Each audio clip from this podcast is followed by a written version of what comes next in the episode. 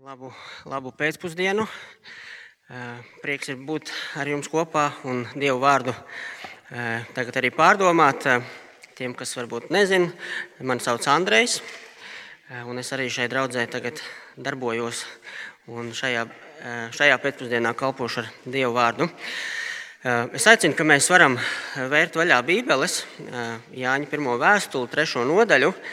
Tā kā dievkalpojuma lapiņās ir rakstīts, ehm, svētruna ir par 3. nodaļas 11. līdz 24. pāntu, bet tā kā ehm, šī sadaļa ir ļoti cieši saistīta ar iepriekšējo, tad lasīsim no 10. pānta līdz 24.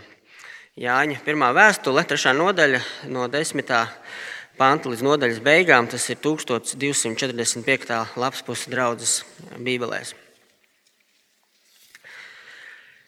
Tā to redzami dieva bērni un vēlna bērni. Katrs, kas nedara taisnību, nav no dieva. Tāpat arī tas, kas nemīl savu brāli. Jo šī ir tā vēsts, ko jūs esat dzirdējuši no iesākuma, lai mēs mīlam cits citu. Ne tā kā Kains, kas bija no ļaunā un nokāva savu brāli. Un kādēļ viņš nokāva? Tādēļ, ka viņa darbi bija ļauni, bet viņa brāļa darbi taisni. Nebrīnieties, brāļi, ka pasauli jūs ienīst. Mēs zinām, ka esam no nāves pārgājuši dzīvībā tādēļ, ka mēs mīlam brāļus, bet kas nemīl, paliek nāvē. Ik viens, kas savu brāli, brāli nīst, ir slepkava, un jūs zināt, ka neviens slepkava nepatur sevī mūžīgo dzīvību. Mīlestību mēs esam iepazinuši no tā, ka Viņš savu dzīvību par mums ir devis. Arī mums pienāks savu dzīvību atdot par brāļiem. Ja kādam šajā pasaulē ir pārticība un viņš redz savu brāli trūkumā un noslēdz tam savu sirdi, kā lai viņā paliek dieva mīlestība? Bērniņi, nemīlēsim ar vārdiem un ar mēli, bet ar darbiem un patiesību. Un tā mēs zināsim, ka esam no patiesības, iedrošināsim viņa priekšā savu sirdi. Un, ja pat, un pat ja mūsu sirds mūs apsūdz, Dievs ir lielāks nekā mūsu sirds, un Viņš zina visu. Mīļotie, ja jau mūs neapsūdz sirds, tad mums ir paļāvība uz Dievu. Ja mēs ko lūdzam, tad saņemam no Viņa, jo mēs turam Viņa baušļus un darām to, kas Viņam tīkams. Viņa bauslis ir, lai mēs ticam Viņa dēla Jēzus Kristus vārdā un mīlam viens otru, kā Viņš mums ir pavēlējis. Bet kas Viņa baušļus tur, tas paliek Viņā un Viņš tanī. Un tā mēs zinām, ka Viņš paliek mūsos no gara, ko Viņš mums ir devis. Āmen. Pirms pārdomājam šo raksturvietu, es vēl īsi pielūgšu. Debes Tēvs, Tavs vārds ir patiesība, un tagad, kad šajā patiesībā vēlamies ielūkoties, lūdzu, eh, atdari mūsu gara ausis, atdari mūsu gara acis, lai mēs redzam, lai mēs dzirdam, un lai Tavs gars var uz mums runāt. Jēzus vārdā. Āmen. Katrai ģimenei ir savi noteikumi.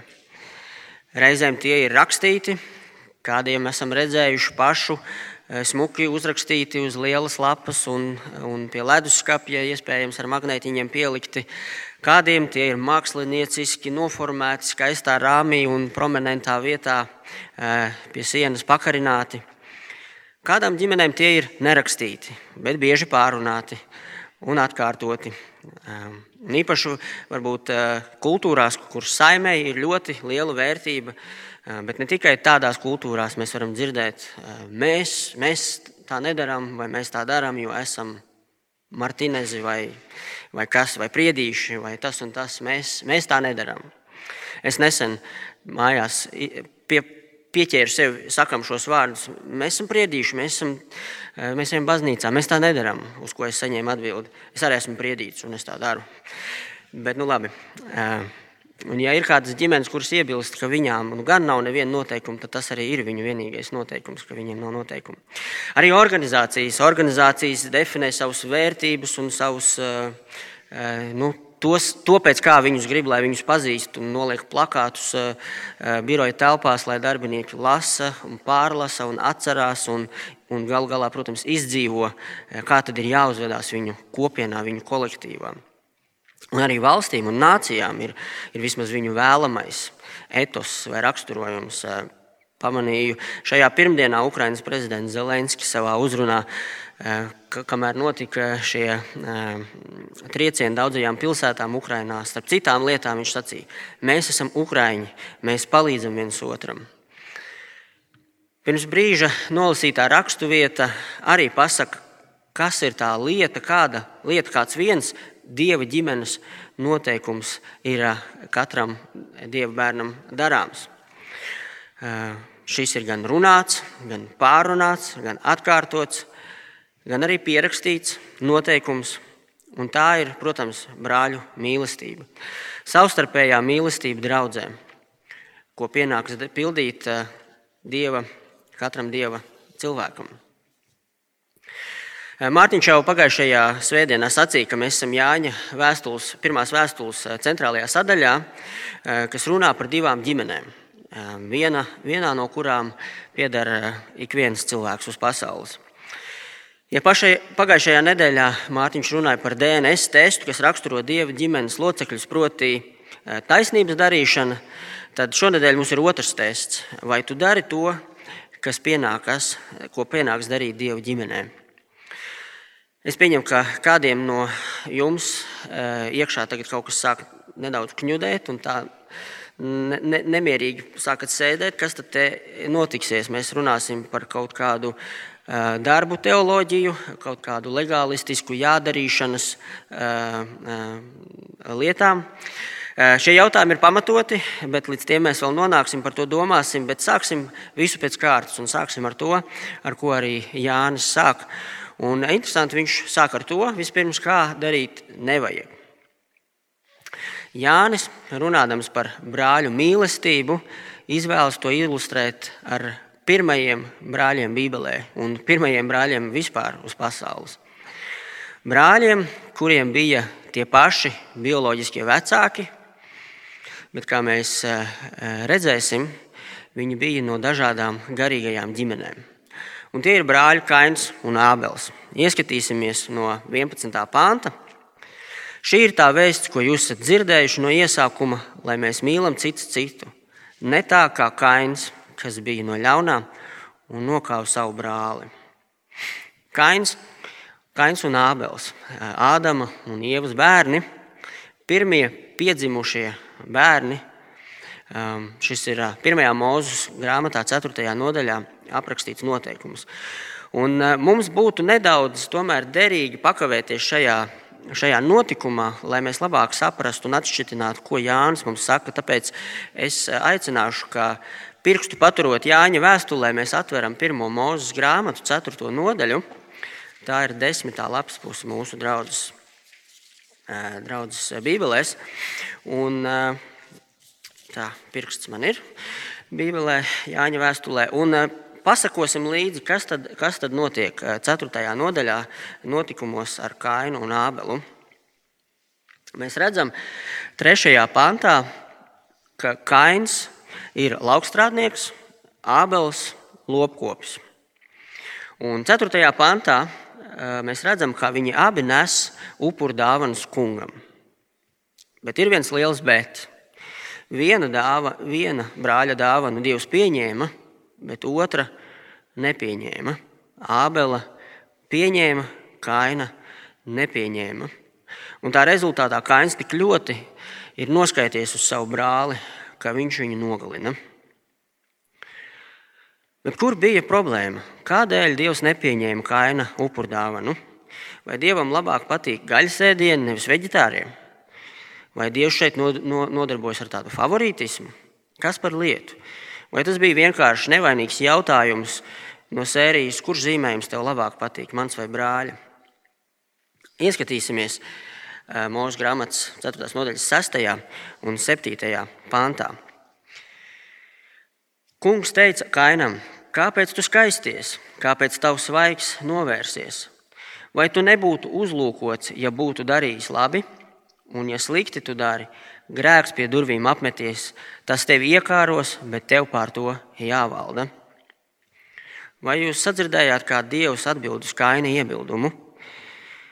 Vai tad tu nebūtu uzlūkots, ja būtu darījis labi? Tātad Kains nebija darījis labi. Un to arī apstiprina Jāņa vēstules 12. pāns. Mīliet ne tā kā kains, kas bija no ļaunā un nokāva savu brāli. Kādēļ viņš to nokāva? Tādēļ, ka viņa darbi bija ļauni. Kains bija no ļaunā un viņa darbi bija ļauni. Tātad galvenā problēma bija tā, ka viņš bija no ļaunā. Bet vai mēs nevaram pateikt kaut ko vēl vairāk par to, kā šis ļaunums izpaudās? Protams, pirms viņš galējā veidā tas izpaudās nogalinot brāli, bet arī pirms tam. Izskatās, izskatās ka kaina ļaunums izpaudās upurī, ko viņš pienesa. Ja mēs uzvara, pie, pievēršam uzmanību, kā ir aprakstītas abas dāvanas kungam, tad tur ir interesanti nianses. Ieskatieties 4. pantā. Um, pēc daudzām dienām Kains no zemes augļiem nesa upuru dāvanu kungam, un Ābels arī viņš nesa. Pietiktu it kā ar to, Kains nesa, Ābels nesa. Bet nē, Ābela dāvana ir aprakstīta šādi. Un Ābels arī viņš nesa no savu auju pirmdzimtiem un to treknuma. Tā vien izskatās, ka atšķirība bija šīs upuru dāvanas kvalitātē. Bet ko kvalitāte liecina? Par ko tā liecina? Tā liecina par mīlestību uz dāvanas saņēmēju, vai ne tā? Nu, kaut kas man tur viņam jāiznes. Labi, man te palika vēlreiz sakritušie mieži. Aiznesīšu viņam tos. Nezinu, cik būtu, piemēram, sieva priecīga, ja vīrs ar tādu attieksmi sveiktu viņu kādos svētkos, vai arī otrādi. Kainam grauza tas, ka Dievs pieņēma viņa brāļa dāvanu, viņa Eh, un viņa dāvana nepieņēma. Skaudība, rūkums, dusmas pret savu brāli auga. Kains nevaldīja pār savu grēku, ļāva tam augt līdz beigās tas kulminēja ar brāļa nogalināšanu. Bet tas viss tādēļ, ka viņš nemīlēja Dievu. Attiecībās ar Dievu centās izbraukt pēc minimālās programmas, tādas programmas, kas neiegriež viņa ērtumam, ērtībai, viņa drošībai, viņa ražas daudzumam un eh, vērtībai. Un Jānis saka, tā nedariet. Tā desmitā panta vārdiem eh, dara vēlna bērni. Bet vēl vairāk, tagad mēs atgriežamies Jāņa vēstulē, vēl vairāk, 15. Um, pantā. Eh, Jānis raksta, ik viens, kas savu brāli nīst, ir slepkava un jūs zināt, ka neviens slepkava nepatur sevī mūžīgo dzīvību. Un Jēzus saka līdzīgi kalnu svētdienām: ik viens, kas uz savu brāli dusmojas, nododams tiesā, ik viens, kas uz savu brāli saka nejēga, nododams sinedrijam, bet kas uz savu brāli saka stulbais bezdievi, tas nododams ēles ugunīs. Nav jānogalina, lai bauslis tev nebūs nokauts, tiktu pārkāpts. Dusmas un naids jau parāda cilvēku sirds attieksmi un stāvokli. Bet nav, nav pat runa par baušļu pārkāpšanu vai nepārkāpšanu, bet gan par kaut ko daudz nopietnāku. Mīlestība uz brāļiem un, attiecīgi, nemīlestība uz brāļiem īstenībā norāda uz piederību vai, attiecīgi, nepiederību Jēzum un Dieva ģimenei. Ieskatieties 14. pantā. Mēs zinām, ka esam no nāves pārgājuši dzīvībā tādēļ, ka mēs mīlam brāļus, bet kas nemīl, paliek nāvē. Mums gribētos, ka šie pānti saka kaut ko citu. Nu, kā jūs pabeigtu teikumu? Mēs zinām, ka esam no nāves pārgājuši dzīvībā tādēļ, ka, tādēļ, ka mēs mīlam Jēzu, tādēļ, ka Jēzus ir nomiris par mūsu grēkiem, tādēļ, ka ticam Jēzus evaņģēliem. Un šīs nav nepareizas atbildes, bet šis pāns tā neturpinās. Tas mūs pārsteidz. Mēs zinām, ka esam no nāves pārgājuši dzīvē tādēļ, ka mēs mīlam brāļus. Un īstenībā šī nav pirmā reize, kad eh, Jānis savā vēstulē par šo runā. Ja atceraties otrās nodaļas eh, sākumā, Jānis līdzīgi rakstīja 9. un 10. pantā, kas sakās, ka esam gaismā un īsti savu brāli, tas vēl ir tumsā. Kas mīl savu brāli, tas paliek gaismā, un piedaudzības nav viņā.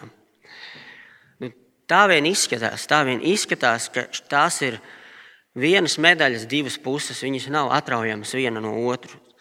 Tu nevari mīlēt Jēzu un nīst savu brāli. Tu nevari mīlēt Jēzu un nemīlēt savu brāli. Ja tev ir mīlestība uz Jēzu, tev ir mīlestība uz brāli.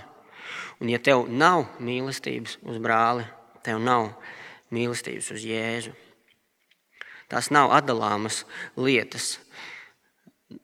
Nevar būt tā, ka es saku, es ticu Jēzum, es mīlu Jēzu, bet uz draugu es gribu, es iet gan negribu.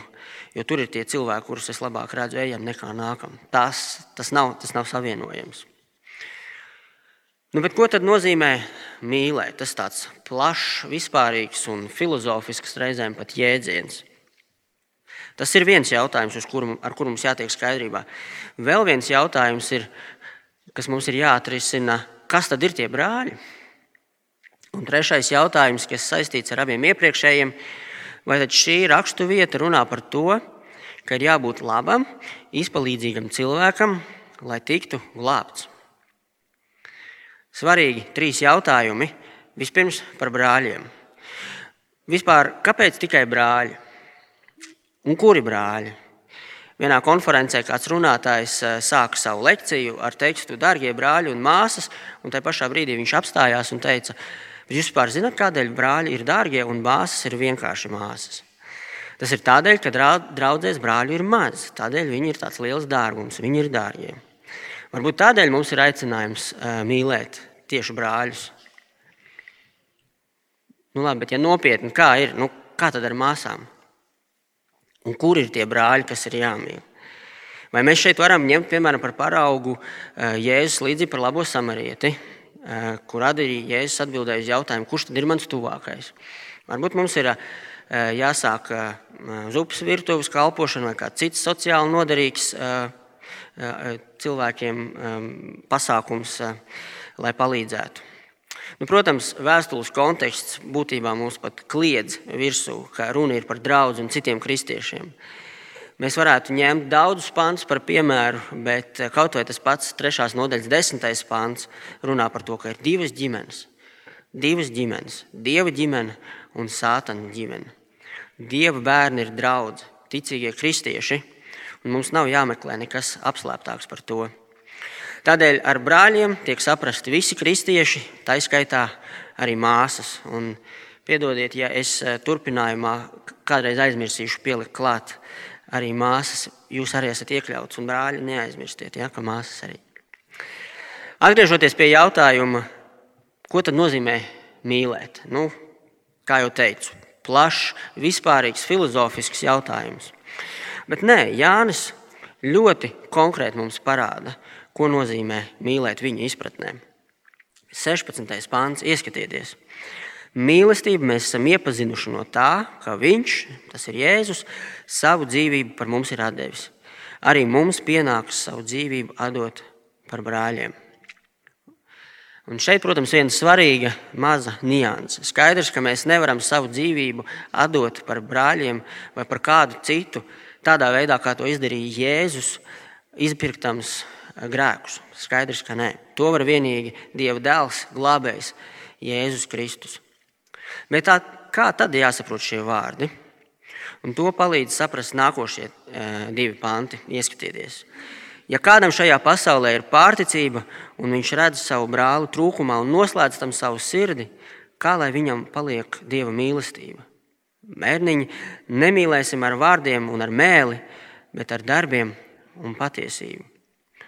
Jānis runā par pašaizliedzīgu mīlestību uz draugu, uz brāļiem un māsām.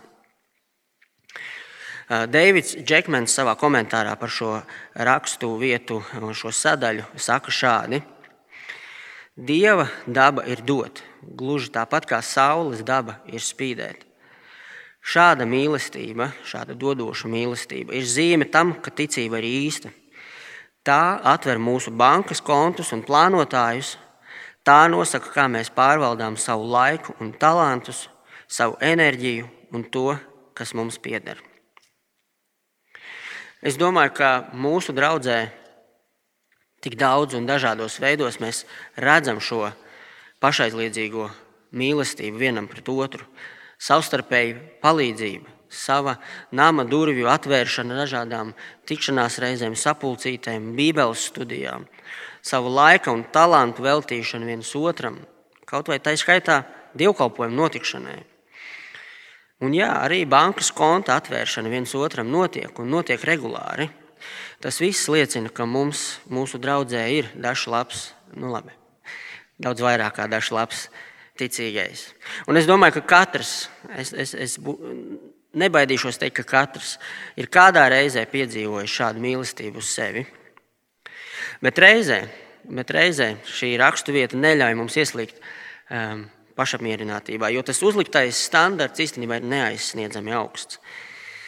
Jēzus pašaizliecīgās mīlestības standarts ir neaizsniedzams, jo Jēzus deva savu dzīvību par savējiem. Un Jānis aicina tiekties pēc, pēc tieši šādas mīlestības. Bet šī dzīvības atdošanas tēma ir interesanta šajā raksturvietā. Ja mēs paskatāmies un padomājam, Kains atņēma savu brāļa dzīvību, Jēzus deva savu dzīvību par brāļiem. Kaina rīcība bija skaudīga, lepna, uz savu ērtumu un labklājību vērsta. Mēs esam aicināti Jēzus pašaizliedzības, sevis aizliekšanas piemēram par, par, par brāļiem. Kains bija naida pilns, kas noveda pie brāļa slepkavības. Jēzus bija mīlestības pilns, kas noveda pie viņa dzīvības labprātīgas atdošanas par mums. Un mums ir jāupurē savu ērtumu un labklājību vienam otra labā. Un es atzīšos, eh, kad es svētdienās dzirdu šos darbības vārdus, kas sākas ar jā, eh, jāmīl, jādara, jāupurējas, man tie liek vienai acī un vaigiem nedaudz raustīties. Un es varu tā teikt, eh, pat reizēm atslēgties no pārējās svētdienas dzirdēšanas, jo man liekas, nu, kas tas par legālismu, kas tas par darbu teoloģiju, tāds, tāds dusmas savēlkās reizēm par mani. Eh, bet šī raksturvieta tieši lieto šo vārdu - jā, jāmīl. Turklāt eh, tas arī nav nekas jauns. Arī Jānis saka, jūs to jau esat dzirdējuši iepriekš. Kur tad iepriekš? Jāņa evanģēlijā, evanģēlijā, ko šis pats autors ir pierakstījis, viņš raksta Jēzus vārdus 13. nodaļā. Tas ir tieši pēc tam, kad Jēzus ir kalpojis mācekļiem, mazgādams viņu kājas. Jēzus saka, es jums dodu jaunu bausli, mīliet cits citu. Kā es esmu mīlējis jūs, tā arī jūs mīliet cits citu. Ja jums būs mīlestība savā starpā, visi zinās, ka jūs esat mani mācekļi. Un nedaudz vēlāk, 15. nodaļā, Jēzus saka, mans bauslis ir mīliet cits citu, tāpat kā es jūs esmu mīlējis. Nevienam nav lielākas mīlestības par to, ja kāds savu dzīvību dod par saviem draugiem. Jānis to dzirdēja, viņš to labi iegaumēja, un viņš to ir nodevis tālāk draudzēm, kurām viņš ir kalpojis. Bet šeit sākas iespējams daudziem no mums liels, liels bet. Tagad mēs šo visu esam noklausījušies. Pavēle mīlēt ir skaidra, bet mana sirds man tagad sāk bērt priekšā.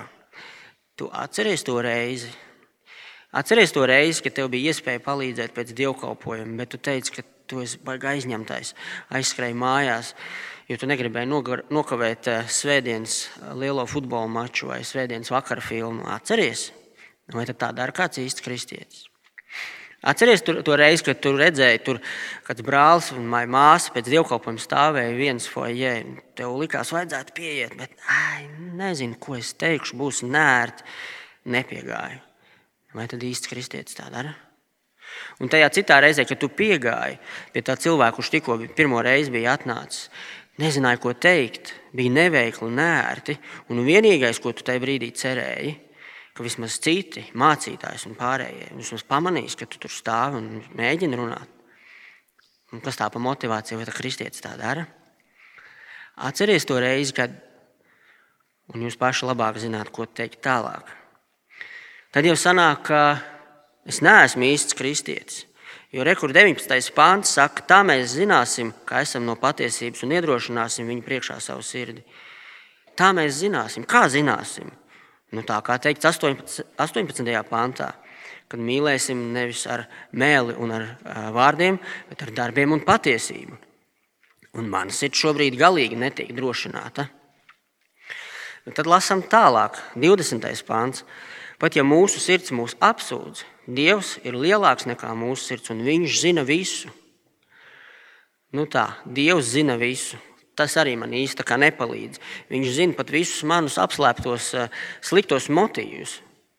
Īstenībā, īstenībā šim pantam vajadzētu iedrošināt, jo šo pateicis Jānis pieņem, ka sirds apsūdzības problēma ir atrisināta. Nākošajā pantā Jānis jau raksta, mīļotie, ja jau mūsu sirds neapsūdz, tad mums ir paļāvība uz Dievu. Tad mums ir jāsaprot, kā tas, ka Dievs ir lielāks un visu zina, palīdz šaubās un sirds apsūdzībās. Ja jūs atceraties no iepriekš Jāņa vēstulē lasītā un svētkrunās dzirdētā, tad Jānis pastāvīgi drošina vēstules saņēmējus. Viss ir kārtībā ar jūsu ticību un piederību Dieva ģimenei. Tas jau ir redzams kaut vai eh, tā, kā, kā viņš uzrunā šos kristiešus arī šajā raksturvietā. Bērniņi, mani bērniņi, mīļotie, Jānis atkārto. Un viņš saka, to es jums rakstu, lai jūs zinātu, lai jūs būtu pārliecināti. Tā mēs zināsim, ka tas, un, um, tas viss liecina, ka ar jums viss ir kārtībā. Un tādēļ, ka, eh, tādēļ tas, ka Dievs ir lielāks, nekā mūsu sirds. Un viņš visu zina, tas ir iedrošinājums. Jēzus ir lielāks par mūsu apsūdzošo sirdi, un viņš, viņš mūs neapsūdz. Mārtiņš Luters par šo pantu saka šādi: Mūsu, mūsu pašu sirds mūs neizbēgami pazudinās, draudot ar sodu un tiesu. Taču Dievs, kas mūs taisno, ir žēlīgs tiesnesis neraugoties uz visu, ko saka šie blēži. Ja arī mūsu sirds zaudētu visas cerības, tomēr Dievs mūs aizstāv un saka, taisieties, ka tiekat jūs blēži. Tā nu tie visi bēg, arī nāve, elle un sātens. Vienīgā man ir aizdomas, ka varbūt oriģinālā Mārtiņš Luters nelietoja vārdu blēži, bet kaut ko biezāku. Bet lai nu paliek. Tad Jānis apgalvo vēl nākamo lietu. Pirmkārt, Dievs ir lielāks, tas ir pirmais iedrošinājums, viņš zina visu. Bet tad viņš saka, nākamo lietu, kas atkal šķiet, pag, pag, kā tas var būt, vai tā ir patiesība. Ieskatieties 22. pantā. Ja mēs ko lūdzam, tad saņemam no viņa, jo mēs turam viņa baušļus un darām to, kas viņam tīkams. Mūsu lūgšanas tiek atbildētas. Vai tā ir? Vai visas mūsu lūgšanas tiek atbildētas? Vismaz manas visas lūgšanas netiek atbildētas. Kā tam vajadzētu man iedrošināt? Tad es laikam neesmu īsts kristietis, jo manējās lūgšanas netiek atbildētas. Un, ja tā pavisam godīgi, es pat nezinu, vai es visas savas lūgšanas gribētu, ka Dievs atbild, jo man grūti atšķirt, kuras ir teikts tādā sautībā un paša labumam. Bet tas droši vien ir saistīts ar to, ar to otro eh, pānta daļu, ka es neesmu turējis viņa baušļus, vai ne? Tāpēc droši vien manas lūkšanas netiek atbildētas. Bet, nu, ja mēs tā godīgi lasām to pāntu, tad tas pāns ir rakstīts ar tādu pilnīgu pārliecību. Tā ir. Un tā ir ne tikai apustulim Jānim, bet to viņš saka visiem. Ziniet, es uzdrošināšos apgalvot, ka šo vienu bausli mēs turam. Viņa bauslis ir, es lasu no 23. panta, viņa bauslis ir, ka mēs ticam viņa dēla Jēzus Kristus vārdā un mīlam viens otru, kā viņš mums ir pavēlējis. Ievērot, ka tur ir rakstīts viņa bauslis, vienskaitlī. Bauslis ir ticēt un mīlēt brāļus. Atkal šī nesaraujamā abu lietu kopā būšana. Ticēt Jēzus Kristus vārdā. Šeit vārds ticēt ir nevis tajā izpratnē, ka man tagad ir ļoti, ļoti jāsaņemās, jāapņemās, un tagad es ļoti, ļoti ticēšu. Bet nē, šeit ir nozīme, ka e, būt pārliecinātam, būt pārliecinātam par patiesumu. Un šī ticība vai pārliecība ir Dieva dēla Jēzus Kristus vārdā. Mēs ticam Jēzus autoritātei, ka tas, ko Jānis ir teicis iepriekš, ka tas viss ir patiesība. Bet tādēļ, ka šī ticība mums ir Dieva dota, mēs varam apgalvot, ka šo bausli mēs pildām. Un tas drošina mūsu sirdis, ka mēs esam pareizajā ģimenē. Un tad arī šīs šaubu pilnās lūkšanas pēc eh, iedrošinājuma tiek atbildētas.